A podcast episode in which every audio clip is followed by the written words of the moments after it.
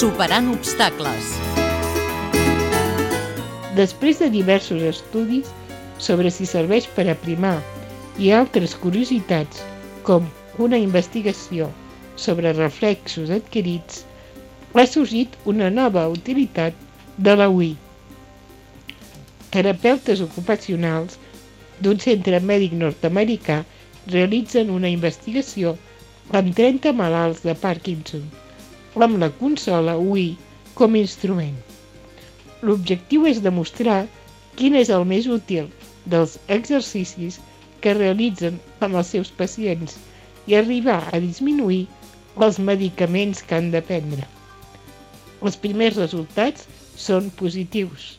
La teràpia ocupacional de la School of Allied Health Science investiga com la malaltia afecta el pacient en tota la seva vida, des del punt de vista psicològic, cognitiu i sensorial.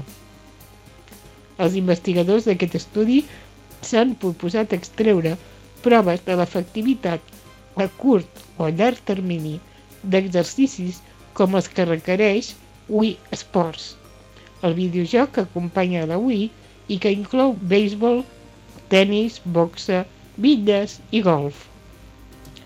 Els participants de l'estudi estan dividits en un grup experimental que està rebent teràpia i un altre que no. Cada participant es reuneix de forma individual amb un terapeuta durant una hora a la setmana al llarg de 8 setmanes.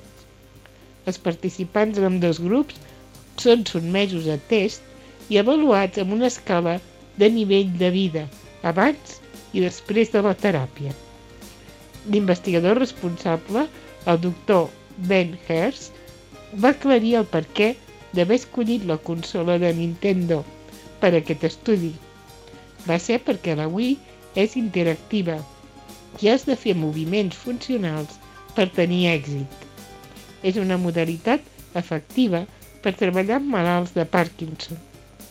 Un dels terapeutes usa la Wii amb els pacients per escalfar i estirar i un altre per exercicis de coordinació i equilibri. Els primers resultats de l'estudi indiquen una petita millora en els pacients. Els investigadors han marcat objectius als malalts aplicats a la vida real.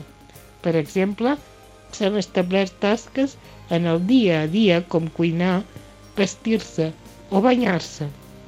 Segons els investigadors, els pacients han arribat al 98% dels objectius marcats. Montse Pous, periodista.